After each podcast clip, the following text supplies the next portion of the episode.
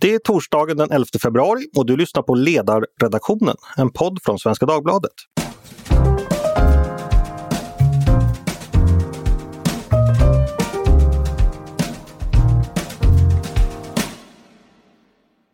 Jag heter Andreas Eriksson. Varmt välkomna till dagens avsnitt av podden. Idag ska vi prata om skjutvapenvåldet i Sverige. Eh, det är ju ett ämne som oftare präglat nyhetsrapporteringen och sedan ett par år också den politiska debatten i Sverige. Med mig för att göra det så har jag Manne Gerell som är kriminolog vid Malmö universitet. Välkommen Manne! Tack så mycket! Och så har vi med oss polismästare Mattias Sigfridsson som är biträdande chef för polisområden Malmö. Välkommen du också! Tack så mycket! Vi ska börja direkt med en siffra nämligen 47. Eh, 47 människor dödades av skjutvapen i landet under förra året. Eh, det är en hög siffra, men ganska nära snittet för de senaste åren. Sedan 2017 har nästan 180 personer skjutits ihjäl i Sverige, eller ungefär eh, 44 stycken varje år. Och Det är en historiskt sett ganska hög nivå. Eh, jag tänkte börja med dig Manne. Hur, om vi tittar på nivån då under den senare delen av eh, 2010-talet blir det väl. Hur står sig den nivån jämfört med tidigare epokers om vi exempelvis jämför, jämför utvecklingen de senaste decennierna och om vi går lite längre tillbaka i tiden till 1900-talet när det gäller just skjutvapenvåld?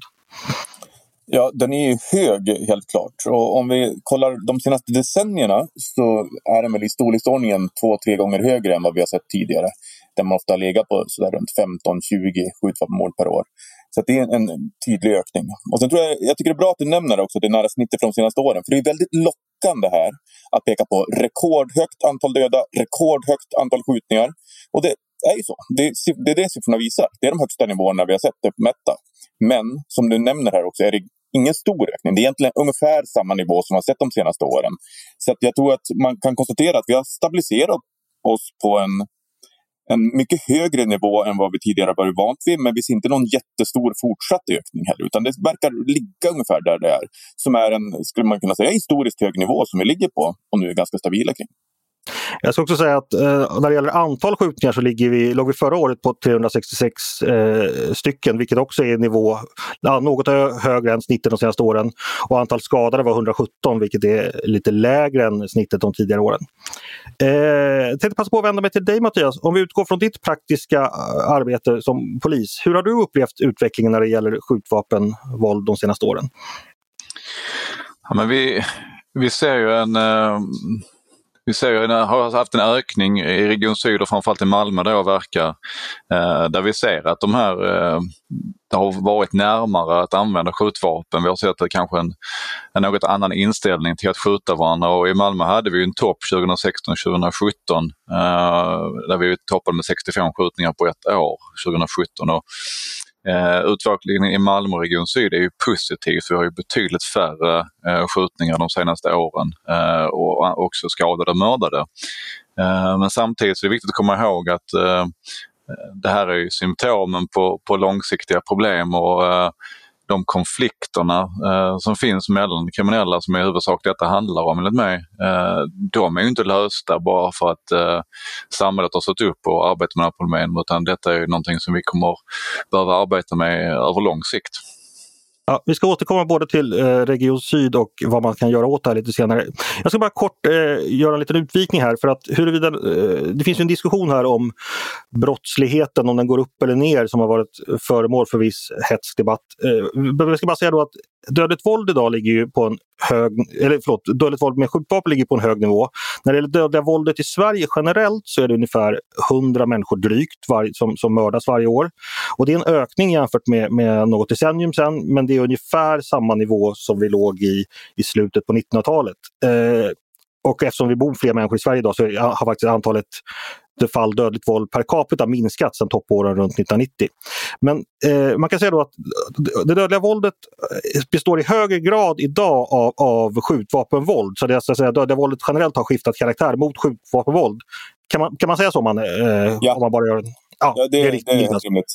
Vi har fått en, en förändrad sammansättning av det dödliga våldet. Så nu ser vi en större andel av det dödliga våldet som är kopplat till Eh, kriminella grupperingar och till skjutvapen och en lägre andel som är kopplad till till exempel dödligt våld mot barn, partnervåld, även om vi hade en väldigt hög nivå på det 2019 och även en del av spontandispyterna mellan till exempel missbrukare och sådär ser ut som att ha minskat. Så vi har fått en, en förändrad sammansättning av det dödliga våldet. Så, så man ska liksom eh, använda liksom lite grovt språk. Det här med att två missbrukare som ränner morakniven i varandra på, på, den klassiska svenska spritfesten, det har minskat medan eh, organiserad brottslighet som skjuter varandra planerat, det har ökat. Kan man säga så? Ja, lite förenklat, men, men ja, det kan man säga. Ja. Eh, när man hör talas om skjutvapenvåld så tänker nog många, precis som vi har varit inne på det nu, på konflikter eh, mellan grova brottslingar. Eh, är det en riktig bild kan man fråga sig. Manne, jag tänkte vända mig till dig. Går det att kortfattat, jag förstår att det är svårt, men ah, försöka sammanfatta vilka det är som begår de här eh, brotten och vilka offren är och varför man skjuter varandra och i vilka sammanhang också. Om du, ja, det är en stor fråga förstår jag, men om det går att försöka sammanfatta. Det går att försöka i alla fall. Eh, man kan säga att det vi kan eh, visa är att eh, mycket av den förändringen som har skett handlar om att vi har fått en ökning av att unga män skjuter och blir skjutna. Så det är en, en delmängd i det här kring vilka det är som begår och vilka offren är. Väldigt många av dem har också utländsk bakgrund, eh, både bland offren och bland förövarna. Och Det är också något som man kan säga kring det här som är ganska tydligt. Eh, när det gäller varför och vilka sammanhang så kan man säga att Många av dem har en koppling till, eller upplevs ha en koppling till de kriminella nätverken. Ibland har man skjutit någon som man trodde var i ett gäng fast det var en oskyldig person som bara blev misstagen. Men de flesta har nog någon koppling så i alla fall. Men sen varierar det nog exakt hur grovt kriminella de är. En del är inte så himla grovt kriminella, vad man vet i alla fall, men kan ändå skjuta eller bli skjutna. Medan många andra är väldigt grovt kriminella. Och det beror nog också lite grann på vilka motiv man har där det är för en del mord som är väldigt väl planerade och kanske beställda då handlar det ofta om, oftare om involverade personer som är tyngre in i den grova kriminaliteten och en del andra som är mer spontana är kanske lite lägre ner i, i den kriminella hierarkin. så att säga. Och det är väl också, i alla fall om, man, om jag minns rätt från tidningsrapporteringen, vissa områden som är kraftigt överrepresenterade när det gäller själva var både offer och förövare kommer ifrån. Att det, det, det rör sig om ofta det som brukar kallas särskilt utsatta områden. Stämmer det? Ja, eller lite bredare de utsatta områdena mer allmänt. Eh, men ja, där har vi en väldigt stark överrepresentation. Både på att skjutningarna och skjutvapenmorden ofta sker där. De sker mot personer som bor eller har bott i de områdena och de sker av personer som bor i eller har bott i de områdena. Just det. Eh, om jag vänder mig till dig Mattias, du som eh, jobbar på fältet med just den här typen av händelser. Om du får svara på samma fråga som Manne precis fick. Alltså vilka är det som skjuter? Vilka offer är det? Och, och varför skjuter man helt enkelt? Går det, går det att ge någon sorts sammanfattning på det utifrån ditt perspektiv? Jag delar ju mannens uppfattning i, i, i, allt, i allt väsentligt att det är unga män som eh, har sin bas i vårt utsatta område eh, som ofta har ett utanförskap eller finns i en parallell samhällsstruktur. Eh, de har en koppling till kriminella nätverk men precis som Manne säger, det är, orsaken kan, eh, kan ibland vara väldigt banal. Det kan vara en konflikt eller en kränkning som, som baserar sig på det personliga planet. Men det kan också vara en del i, i konflikt mellan nätverk eh, som står för grova kriminaliteten. Till exempel narkotikahanteringen är ofta en koppling som man kan se. Men det är viktigt att komma ihåg eh, att det är oftast inte de grövst kriminella eh, som skjuter eller blir skjutna, även om det ibland händer, utan det är längre ner i den kriminella hierarkin som de här våldsdåden inträffar. Eh, och som sagt, eh, det, är ju det som är kanske mest oroande, att det inte krävs så mycket för att man ska använda vapen. Även om utvecklingen just nu är, här nere är positiv.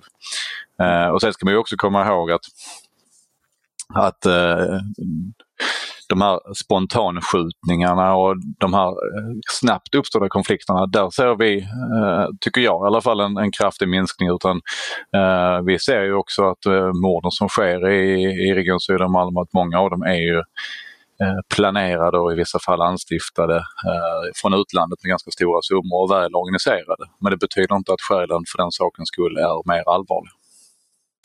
Eh, det där är ju intressant. Skulle man kunna säga då att eh, det här skjutvapenvåldet eh, bland samma grupp av människor skulle kunna dels bestå av det här planerade strategiska, att det handlar om exempelvis andelar av olika kriminella marknader. Men det också rör sig om spontana dåd där liksom helt högt våldskapital och, och hög våldsbenägenhet gör att vad som annars hade kanske bli en käftsmäll snabbt eskalerar till skjutvapenvåld på grund av att det helt enkelt finns så högt eh, våldskapital i den här gruppen. Eh, är jag rätt ute då, tycker du Mattias? Ja, om, om, man, om man drar med väldigt grova penseldrag så kan man absolut säga så. Um, och jag, jag tycker ändå det, det, det är värt att poängtera att de här det du kallar det som blir en käftsmäll men som istället blir en skjutning, att vi ser betydligt färre av dem. Men som sagt det betyder inte att, att när man väl väljer det dödliga våldet, för det är det vi, vi egentligen ser att man använder skjutvapen för att eh, eh, använda det dödliga våldet. Det, det, behöver inte vara väldigt allvarliga konflikter utan det kan vara ganska ja, som sagt banala, banal bakgrund till det.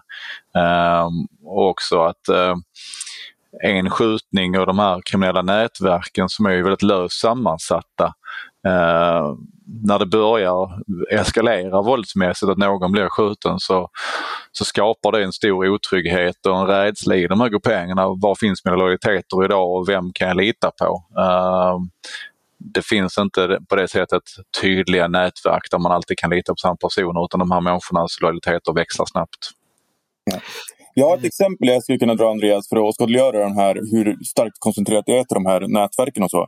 Ja. Eh, 2017 så jobbade jag lite grann med NOA för att, då tog vi fram en, en pilotprojekt för att ta fram en modell för hur vi kunde förstå de utsatta områdena och de kriminella nätverken. Och då kartlade vi, eller vi, polisen gjorde det, jag var inte involverad själv, men i de, vilka det var som var i de kriminella nätverken i de utsatta områdena. I Malmö var det då 134 personer under 2017 som polisen identifierade. Ett år senare gick man på NOA tillbaka och kollade på de 134. Och då var sex ihjälskjutna. Mm. En av 22 i de här kriminella nätverken hade dött på ett år. Mm. Det, en, det, var en överrepresentation med 2462 gånger jämfört med resten av befolkningen i Malmö. Och det var ändå ett väldigt våldsamt och blodigt år i Malmö. Vi hade ju rekordmånga mord där. Mm. Så det säger någonting om hur starkt koncentrerat det är till den här lilla, lilla gruppen av kriminellt aktiva unga män i utsatta områden. Ja precis, bara för att översätta siffran. Var det här i Malmö kommun det här då? Ja. Eller? Som har ungefär drygt 300 000 invånare och det rörde sig alltså om en grupp på bara 100 personer där, där nästan 5 skjuts ihjäl under ett enskilt år. Det, ja. det är ganska svindlande. Ja, vi ska fortsätta. Ja, förlåt. Nej, det var, det var bara det. Men jag kan nämna sen också att i de andra kommunerna som vi kollade på det här då var det inte lika tydligt. Utan det var just Malmö som var så våldsamt just i året. Men, men samtidigt så säger det någonting om det här det är väldigt få personer som är väldigt aktiva i både att utsättas för våld och att utöva våld.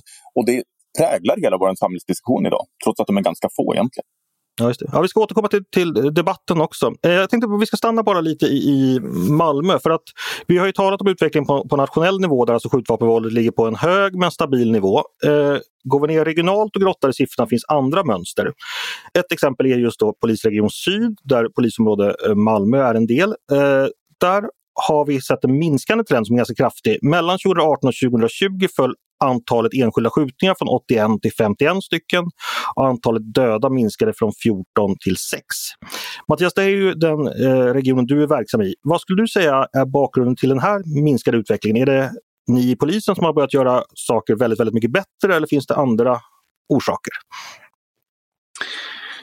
Ja, det är modigt att ge sig in och svara på det när det sitter en forskare med i, i samtalet men, men om jag ska försöka ge vår bild i alla fall av, eh, av hur det hänger ihop här så menar vi att, menar, att polisens arbete spelar stor roll i detta. Um, men vi står inte själva i detta utan vi jobbar ju tillsammans med Ja, men för min del i Malmö så Malmö stad är oerhört framåtlutade och offensiva i både avsätta resurser men jobba med de här typen av metodik.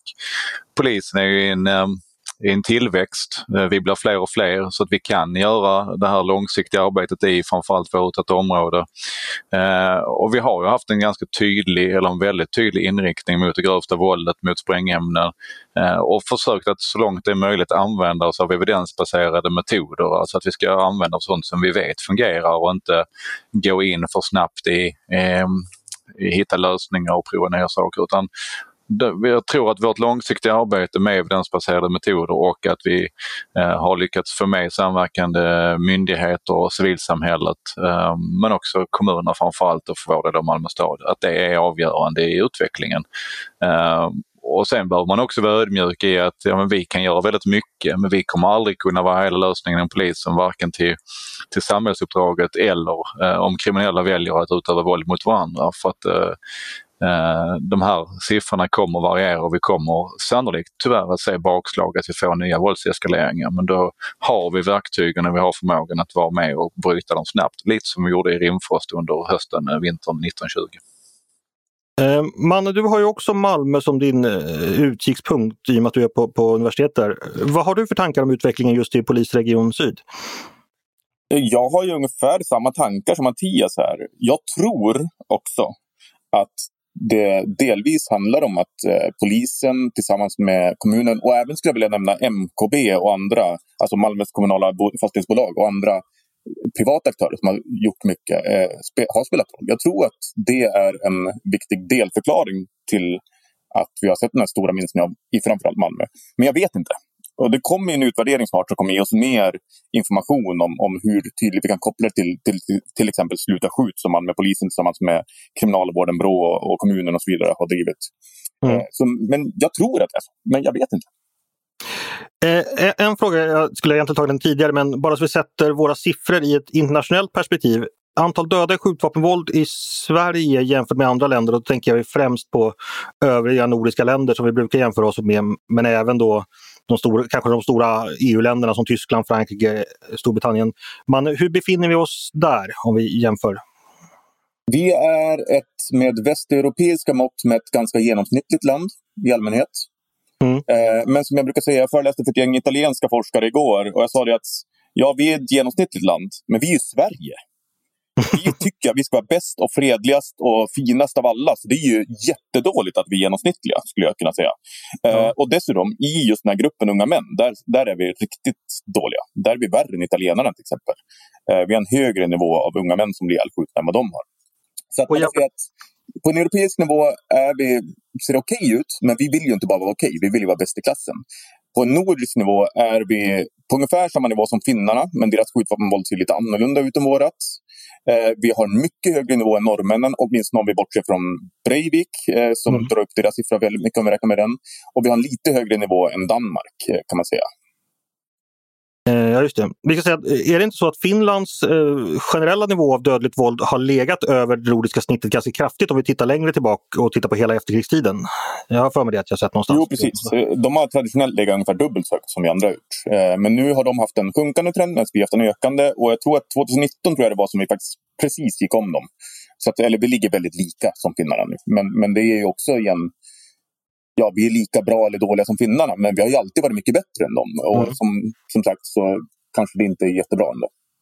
Nej, men jag tror det, det ligger mycket i det du säger, just det här med att den svenska självbilden ser oss kanske inte som det genomsnittliga västeuropeiska landet eh, någonsin faktiskt, utan vi vill gärna, vi har en viss exceptionalism där. Jag tänkte vi skulle gå över lite till eh, debatten om detta och då är, tänker jag på ordet inkapacitering som nämns ibland. Eh, och tanken bakom det är då att man ska låsa in, eh, för det första ska man få tag på de som begår brotten och sen ska man låsa in dem helst ganska länge. För då minskar brotten, för att, så, av den enkla anledningen att sitter man i fängelse så, så är man inte ute och skjuter på gatorna. Hur, hur funkar det, eh, den linjen eller det argumentet på skjutningar skulle ni säga? Skulle det, hur mycket skulle lösas av om vi satte de här i fängelse under längre tid. Eh, om vi börjar med dig, mannen, vad har du för tankar kring det? Jag tror man ska se två aspekter här. Den ena är eh, den kortsiktiga inkapaciteringen som jag till exempel har anfört som ett argument för som gjort att jag var väldigt positiv till straffskärpning för grovt vapenbrott. Eh, tidigare kunde man ju om man blev tagen med en skarpladdad pistol erkänna och vara ute på gatan senare samma dag. Och kanske då hämta en ny pistol och gå och skjuta den där personen man tänkte skjuta. Nu sitter man eh, normalt sett häktad till rättegång och förmodligen dom och är därmed inne i fängelse ett tag. Och det där tror jag var en viktig aspekt just för att när du springer runt med den där pistolen och kanske tänkt skjuta någon. Sen sitter du häktad i, och sitter inne i ett år eller två den där konflikten, den där anledningen du hade till att skjuta någon, den kanske inte är lika aktuell längre när du kommer ut. Så där, det tycker jag är en, en potentiellt viktig mekanism som, som är på kort sikt, men som spelar roll. När det gäller mer på längre sikt, att, att helt enkelt eh, ha folk inspärrade längre, så ja, det kan nog ha en effekt. Eh, och en del av de här personerna som har ett väldigt stort våldskapital är väldigt våldsamma vi behöver få bort dem från gatorna helt enkelt. Men samtidigt så är det ett stort tryck underifrån med nya aktörer som vill in och som för att bli någon i den kriminella världen gärna kan tänka sig att skjuta någon. Helt enkelt för att få en position i de kriminella nätverken. Så det räcker inte med bara inkapacitering, även om det kan vara ett av de redskap och instrument som vi behöver använda. Jag tänker, för generellt är väl ändå våldsbrottslingens karriär är väl lite som en fotbollsspelare, att man drar igång i sena tonåren och så kanske man lugnar ner sig när man kommer uppåt 30 sådär. För det, det är väl inte medelålders som springer omkring och skjuter i så hög utsträckning? Eller? Ja, det gäller brottsligheten i allmänhet. Det är ja. ett väldigt väl etablerat fenomen att någon gång i slutet på tonåren eh, så har man en topp och sen sjunker det sakta men säkert. Och någon gång där kring 30 eller så vidare så har de flesta mer eller mindre slutat begå brott. Mm. Eh, ja, vad säger du Mattias om det här diskussionen kring eh, inkapacitering och att få bort folk från gatan? Det har ju varit en förklaring till eh, att det minskade skjutvapenvåldet i, i just syd har jag läst i tidningen. Eh, vad har du för tankar om det? Nej, men vår uppfattning är att eh, precis som vi beskrev tidigare att det är relativt få eh, och vi har en relativt god bild av dem genom vår kartläggning i Sluta skjut och annat som står för det grövsta våldet. Eh, som håller ihop de här kriminella nätverken och som lite dikterar villkoren eh, i våra parallella samhällsstrukturer. Kan vi låsa in dem Eh, så har det en, eh, en dämpande eh, effekt på, på det lokala samhället. Det, det minskar våldet, det är min absoluta uppfattning. Men jag delar också mannens uppfattning att det är på kort sikt. Men, men samtidigt så får man inte, även om vi har en, en, en bra kriminalvård som, som syftar till att rehabilitera och återanpassa så får vi inte glömma att vissa av de här människorna vi pratar om som lever i de här strukturerna som står för våldet och som inriktar sig på att leva ett ganska kort liv Eh, men leva i de här miljöerna där biter inte de för de metoderna riktigt, för de vill inte återanpassas, de har ingen egen ambition och vi kan aldrig lägga på dem den drivkraften. Eh, så att jag, jag hävdar att inkapacitering i viss del har en, eh, en brottsförebyggande effekt på, på totalen. Sen ska man inte glömma också att, att effekten för att förhindra nya brott, att få sända signaler från samhället att att eh, brott faktiskt leder till straff eh, och att det också på sikt kan hjälpa oss att kanske arbeta med nyrekryteringen. Och jag delar helt mannens uppfattning att detta är bara den ena delen. Att eh, om vi för varje vi griper och låser in för grovt vapenbrott står tio stycken som är beredda att ta den personens plats i det kriminella nätverket, då har det ingen effekt. Utan vi måste jobba med nyrekrytering och det börjar ju väldigt tidigt med föräldraansvar och med eh, en närvarande uthållig polis eh, tillsammans med kommunen, skola, eh, men också förmågan att eh, tidigt eh, agera enligt LVU eller annan lagstiftning för att fånga dem som riskerar att bli en del av de här kriminella nätverken. Så tidiga förebyggande insatser mot unga hänger ihop med inkapacitering. Det är inte något enskilt. En reflektion just kring diskussionen om inkapacitering. Eh, jag, jag, har läst om att eh, framgångarna då med minskade skjutvapenvåldet i, i, i, syd har då förklarats med det. Samtidigt hittade jag en eh, rakt motsatt eh, diskussion eh, där då det var Palle Nilsson på polisens underrättelseenhet i Stockholm som förklarade ökade skjutvapenvåldet i Stockholm. Det var då att, eh, att när man har låst in fler personer då har det blivit, nu citerar jag honom, obalans i gängstrukturer efter flera gripanden. Det är en av anledningarna till det ökade våldet. Eh, och han säger också att under året har, som gått har ett flertal ledande personer gripits och det är ett 40-tal som sitter häktade. Det har skapats en obalans i maktstrukturer och bråk om makten. Vi sa redan i våras att det kortsiktigt kan leda till ökat våld. Det här finns alltså då en, en motsatt effekt av så att säga, samma grundorsak, att man låser in fler folk. Eh, tar de här effekterna ut varandra? Hur ska man förstå det här? Eh, tänkte Manne, har du hört det här resonemanget och vad har du för tankar om det? Ja, absolut. Jag har hört det här många gånger och det, det är en eh, intressant eh, grej som är eh, att man tycks kunna förklara både uppgångar och nedgångar i våld med eh, att man har lagfört eller gripit folk. Eh, men jag tror att det finns en någorlunda logisk och rimlig förklaring. Jag tror inte att de tar ut varandra. Jag tror snarare att det beror på. Det beror på vem det är som blir tagen, under vilka omständigheter, vad den har för position i nätverket och hur nätverket ser ut i övrigt. Så jag tror att ibland kan det hända att man tar bort en person som var en enande kraft i nätverket, då uppstår en konflikt mellan kanske två delar av nätverket. Men ibland tar man bort en person i det nätverket som var drivande för att skapa våldet i nätverket och då blir det lugnare i hela nätverket. Jag tror att det helt enkelt är så banalt eh, och tråkigt men också på något sätt rimligt att ibland blir det bra, ibland blir det dåligt och det beror på hur de olika positionerna i nätverken är, vilka roller man har och så vidare. Ja, det beror på, säger forskaren som vanligt. Eh, men det är ofta ett, det rätta svaret har jag upptäckt själv. Hörni, vad tror ni, behöver vi ny lagstiftning eh, till hjälp för att bekämpa skjutvapenvåldet? Eh, vad tror vi om det? Vad säger du eh, Mattias?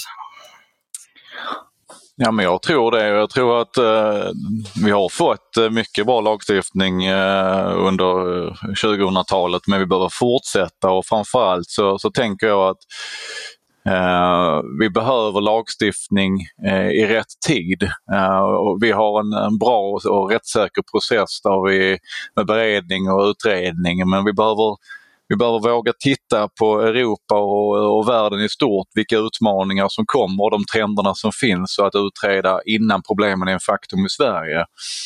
För att vi upplever att den vapenlagstiftningen som vi nu fick, den har gjort stor skillnad. Eh, men vi kanske hade behövt den betydligt tidigare. Uh, vi tittar på utredningen av hemliga tvångsmedel som nu, vi fick hemlig dataavläsning och det är ett verktyg som vi ser uh, stärker oss framförallt mot de mest strategiska och grövt kriminella personerna som, uh, som annars är svåra att lagföra. Men vi ser också att nu med kronvittne och anonyma vittnen, den utredningen, att det är också något vi har ropat på länge så att vi behöver vara lite mer Eh, modiga att utreda de behoven som finns och det vi ser eh, vi kommer att behöva om eh, 5 till 10 år. Och jag tror också att diskussionen kring objektivitets eller omedelbarhetsprincipen och hur man närvarar i rätten och uppgifter tidigt i förundersökning, att man vågar ha en, en bra diskussion kring det så att vi verkligen kan skydda till exempel vittnen och målsägande på ett bättre sätt. Mannen, vad säger du? Eh, ny lagstiftning har vi fått. Har den varit bra och behövs det mer? Vad är din take på det? Ja, eh, lite är det här juridiskt finlir som jag inte är kapabel att bedöma. Men, men jag tror att en del av den lagstiftning jag fått kan bidra lite grann. Eh, men eh, en del lagstiftning har också negativa konsekvenser. Man får väga det mot varandra. Men min generella inställning är att vi nog fortfarande kan behöva en del lagändringar på en del områden. Jag tror dels att vi åtminstone bör undersöka om de straffskärpningar som har gjorts, är de tillräckliga för att nå den här gruppen, den här lilla gruppen väldigt våldsamma män som driver mycket av våldet? Eller behövs det mer för att nå just dem och få dem inkapaciterade längre? Det tror jag är en sak som man får fundera över. Jag är inte säker. En annan är just det som eh, Mattias nämnde, vittnena. Där vet jag inte vad som behövs. Men det här är en nyckelfråga. tror jag. Vi behöver bli bättre på att ta hand om våra vittnen. Det kanske inte är lagstiftning som behövs, men lagstiftning kan vara ett av de instrumenten för att ta hand om våra vittnen och säkerställa att de vill och vågar vittna. Och Den tredje grejen som Mattias tog upp också är det där med tvångsmedel eller avlyssning, alla möjliga sådana saker. Där det definitivt kan vara ett viktigt redskap för polisen, men som såklart måste vägas mot integritet och andra typer av saker. Men jag tror på alla de här tre områdena finns det anledning att, att fundera över eh, hur mycket lagstiftning vi behöver och vi kan nog behöva en del mer lagstiftning. Eh, jag tänkte, det är ju så att just frågan om skjutvapenvåldet är ju en, som jag sa inledningsvis, en het politisk fråga. Det är föremål för mycket nyhetsrapportering och mycket diskussion. Om ni då som proffs på frågan ska, ja, kanske inte recensera, men kommentera den diskussionen som förs.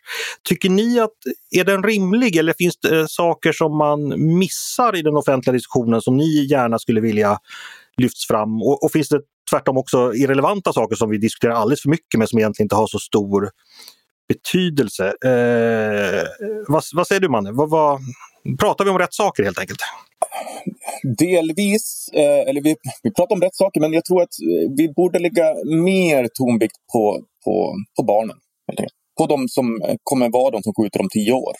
Mm. Eh, där, jag tycker att där är vi vi pratar för lite om det och vi är för generella om det. Jag kan, igen, jag kan ta en siffra. Jag nämnde förut de här 134 personerna som NOA mm, tog upp i kriminella nätverk i Malmö 2017, i det pilotjobbet som gjordes då. Av dem var det ett 80-tal i Rosengård. Mm. Eh, men i samma undersökning som man gjorde då 2017 så kollar man också hur många barn är det som inte klarar grundskolan i det här bostadsområdet. Just den delen av Rosengård som polisen betecknar som särskilt utsatt. 109 om året. Mm. Så varje år i juni, då har du 109 15-åringar som står där på gatan i Rosengård de har inte fullständiga betyg från grundskolan och kan inte läsa ett vanligt gymnasieprogram. Väldigt svårt att få ett jobb som 15-åring utan utbildning. Men de där killarna där borta, de där 80 i det kriminella nätverket. Mm. vi har ju växt upp i samma område. De vet ju vem jag är, jag vet ju vem de är. Vi mm. känner varandra. Det är ganska lätt då att kanske bära någonting åt dem, eller sälja åt dem, eller göra någonting. Och de allra flesta av de här 109 kommer klara sig alldeles utmärkt. Mm. Men tänk på det trycket är underifrån. Vi har 109 mm. ungar som står där. Och nästa år är det 109 nya. Året efter är det 109 nya. Mm. Och nu kan jag säga att det här var 2017 när, vi, när Noah kollade bakåt i tiden då. Nu har det blivit bättre. Det är fler som klarar grundskolan nu. Men det är fortfarande för många och det blir för stort tryck underifrån. Och vi behöver hitta ett bättre sätt att hantera det för att kunna lösa de här problemen. Mattias, vill du kommentera det, du som känner till Malmö väl, just det här med barnen och de som växer upp i de här miljöerna och hur det påverkar? Ja, men jag tror det är viktigt att komma ihåg det, det Manne säger att, att det har blivit bättre. Alltså Malmö, Malmö stad gör ju eh, tillsammans med, med många andra myndigheter, vi, vi nämnde ju fastighetsägare innan som MKB och eh, det finns otroligt stark vilja i hela Malmö uppfattar jag som, som vill göra detta på rätt håll och vi har ju positiva skolresultat under, eh, under många år. Eh, men det är fortfarande eh, för många som inte klarar skolan och det behöver vi jobba vidare med. Ehm, men och jag tänker faktiskt att det är ännu tidigare när de är 15, även om det är såklart en viktig siffra. Att vi, vi ser ju att man debuterar kriminellt eh, ännu tidigare under mellanstadietiden. Eh, att man kanske börjar eh, vakta, frakta narkotika i mindre mängder Eh, eller råna andra ungdomar som är i hyfsat samma ålder. Eh, och det vet vi att det här är strategiska brott som gör att risken ökar. Och vi var inne på det tidigare, att de här tidiga förebyggande insatserna för unga förmågan att fånga dem Eh, innan de blir straffmyndiga, innan problemen är så cementerade eh, att vi inte riktigt som samhälle har förmågan att bryta det och innan man hamnar i ett så starkt utanförskap att, att det finns inga andra vägar än den kriminella vägen. Så att eh, det, här är en, det här tänker jag är, är superviktigt för framtiden och det är inget Malmöproblem utan det är liksom ett, eh, ett problem för, för hela Sverige. Och sen eh, angående debatten så även om jag helst inte vill recensera den för så tänker jag att den är ganska polariserande. Det är antingen eh, förebyggande eller repressivt. Det är antingen längre straff eller ungdomarna. Jag tänker att vi behöver båda delarna. Vi behöver försöka hitta någon, någon, någon gemensam linje där vi kan ha ökad kamerabevakning och ändå värna integriteten. Där vi kan ha en eh, ännu hårdare straff för vapenbrott till exempel. För att bära ett vapen på allmän plats det är inget annat än förberedelse till ett väldigt grovt brott.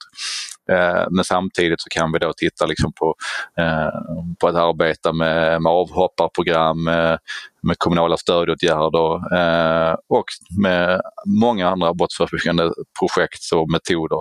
Så att jag skulle uppleva en mer, en mer samsyn ehm, i hela samhället. Och jag tänker också slutligen att eh, vi pratar jättemycket om verktyg för, för symptomen eh, med det läget vi har idag. Men eh, om vi samtidigt skulle orka titta på hur har de här problemen uppstått och vad kan vi göra åt det så att de inte uppstår igen. Eh, och där finns kanske inga lätta svar, men vi behöver nog göra båda delarna. Jag håller helt med Mattias. Jag vill bara understryka också. Anledningen till att man kollade på de som gick ut nian var att det är ett lätt sätt att få en siffra. Hur många mm. i varje årgång är det som inte klarade grundskolan? Det kan vi kolla när de går ut nian. Men som Mattias säger, egentligen handlar det om vad som hände fem år tidigare, när de var tio. Mm. Det är där man måste fånga upp dem, eller kanske ännu tidigare. Mm. Jag tänker, eh, det ni säger det här om den, eh, vad det är som ligger bakom och så. Eh, om man tittar lite framåt och funderar på om man ska vara optimistisk eller pessimistisk. Vi har ju de senaste fem åren som vi nämnde inledningsvis sett en ökning till en betydligt högre nivå än tidigare skjutvapenvåld och det är alltså de som skjuter är då i sena tonåren och tidiga 20-årsåldern så de eh, ska man gå tillbaka till deras skoltid får man gå en bit tillbaka. Jag tänker så här, vi har ju de eh, utsatta områden vi har. Vi har de skola vi har, vi har den segregation vi har, vi har de sociala problem vi har. De låter sig, precis som Mattias sa, inte kanske lösa sin handvändning. Utifrån det och att vi ser att de här sociala faktorerna liksom rullar på i bakgrunden, kan man vara, hur optimistisk eller pessimistisk kan man vara inför framtiden om vi går säg fem år fram i tiden. Vad är det som säger att vi inte har eh, 60 skjutvapendöda då, eller 80? Eller, eh, eller liksom, vad är det som säger att vi, vi, det inte här kan bli värre? Eh, eller, eller finns det tvärtom anledning att vara eh, optimistisk? Eh, vi börjar med dig, dig Manna, ifall du får försöka börja nysta i det. Jag är försiktigt optimistisk eh, och det är till stor del på grund av just att den här frågan dels tas på allvar och det satsas till exempel eh, Göteborgs stads fastighetsföretag, de ska ju satsa 10 miljarder nu på att de vill få bort sina utsatta områden från, eh, från, som inte ska betecknas som särskilt utsatta längre. Mm. Det görs stora satsningar för att komma åt någonting. Och det som Mattias nämnde för, man försöker mer och mer tänka kring evidens. Funkar det här? Får någon mm. effekt?